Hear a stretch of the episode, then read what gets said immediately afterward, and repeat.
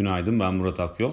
Yurt içi piyasaların kapalı olduğu günde yurt dışında genel olarak zayıf bir performans sergilendi.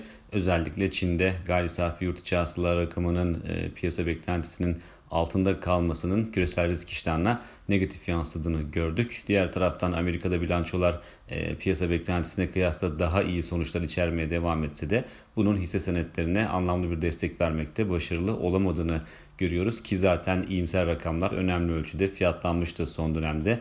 E, hisse senetlerine yön veren esas unsur ise e, daha çok e, bilanço açıklamalarında şirketlerin gelecek dönemlere ilişkin çizdiği e, patika oluyor. Dolayısıyla bu çizilen patika eğer iyimser sonuçlar içermiyorsa e, bilanço sonuçları iyi olsa bile e, ilgili hisse senedinde satış baskısı oluştuğunu görebiliyoruz.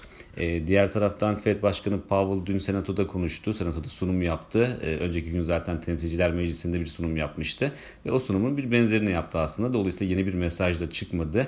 Genel olarak baktığımızda e, son iki günde konuşan Powell e, daha çok e, Fed'in destekleyici para politikasının devam edeceğine vurgu yaptı. Diğer taraftan enflasyondaki yüksek seyri geçici olarak görmeye devam ediyor Fed Başkanı ama enflasyonda anlamlı bir geri çekilme görmeden önce yüksek seviyelerde kalmaya devam edeceğini düşünüyor enflasyonun. Ee, diğer taraftan makroekonomik veri tarafına baktığımızda e, Amerika'da açıklanan haftalık işsizlik maaşı başvurularının e, pandemi başlangıcından bu yana e, en düşük seviyelere gerilediğini görüyoruz ki bu da en azından istihdam adına oldukça olumlu bir gelişme. Bugün ise Amerika'da perakende satışlar rakamı açıklanacak ancak %0.4'lük bir geri çekilme olacağı tahmin ediliyor.